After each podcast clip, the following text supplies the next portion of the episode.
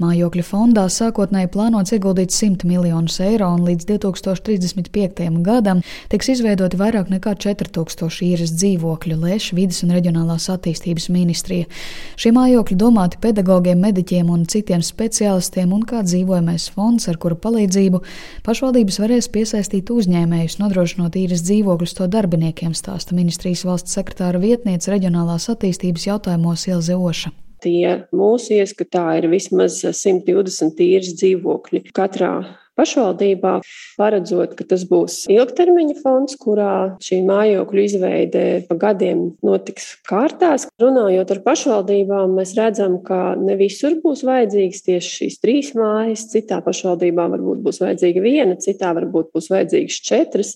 Šeit ļoti lielā mērā mēs skatāmies arī uz uzņēmēju vajadzībām, uz uzņēmēju darbības attīstību, un vai šis piedāvājums izveidot darba vietas ir komplektā ar lūgumu nodrošināt šim darba spēkam arī mm, iespēju teritorijā dzīvot.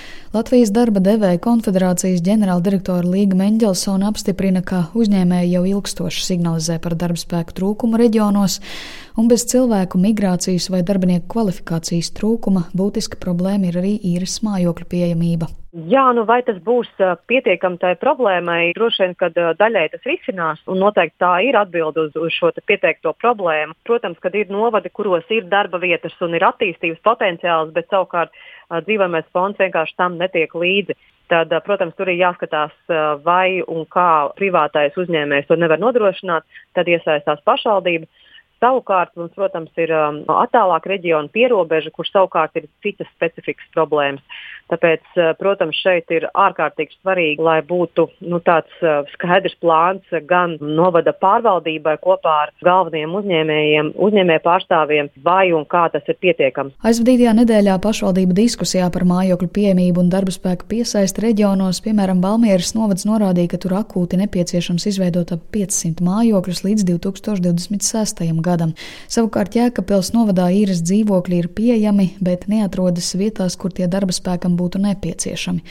Arī Liepājā īres mājokļi ir pieejami, taču par nesamērīgu cenu. Diskusijā skaidroja pilsētas pašvaldības pārstāvis Kārlis Beihmanis. Liepājā situācija ir tāda, ka uz šo brīdi trīs istabu dzīvokļu īrei ir pieci pieejami, un tā cena ir neatbilstoša. Tas ir vidēji 500 eiro par trīs istabu dzīvokli īrē mēnesī. Un, ja mēs salīdzinām ar pirkšanas cenu, tad pērkot šādus dzīvokļus, tas sanāktu 350 eiro mēnesī. Tā, tā situācija ir šobrīd tāda, ka izdevīgāk ir pirkt, ja mēs skatāmies mēneša griezumā, nevis īrēt.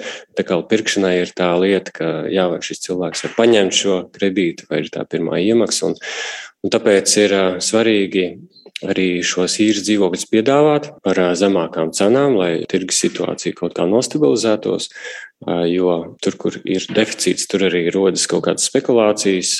Latvijas pašvaldības savienības pārstāve Andra Feldmane papildina, ka pēc novadu reformas pašvaldībām ir arī bažas par nomalas efekta veidošanos reģionos ko mājokļu fonda iecer varētu mīkstināt, jo lielajiem investoriem būtiskākie priekšnosacījumi ir sakārtoti ceļi un infrastruktūra, kā arī darba spēks, kam savukārt vajadzīgas dzīves vietas. Tas jautājums, kā šis mājokļu fonds ierakstīsies tādā ilgtspējīgā, klimata neitrālā pašvaldības ciema attīstībā, vai šeit mēs runāsim par koku būvniecību, kas būtu arī šis CO2 uztveršanas jautājums vai mēs vienkārši iesim šo mājokļu fondu tādā klasiskā izpratnē.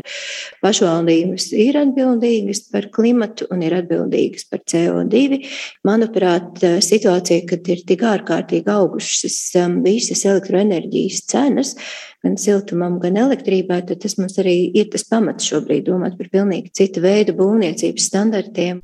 Ministrija norāda, ka finansējums sākotnēji plānots no emisijas kvotu izsoļu instrumenta. Paredzēts, ka fonda institūcija, ievērojot pašvaldības vajadzības, veidos īres dzīvokļus un iznomās tos pārvaldniekam, kurš savukārt apsaimnieko un izīrē mājokļus, veicot regulārus nomas maksājumus fondā. Fonda ietvaros plānots attīstīt projektus ar zemām mājokļu uzturēšanas un apsaimniekošanas izmaksām, kas ievērošot arī augstus vides standartus. Sinti Ambote, Latvijas radio.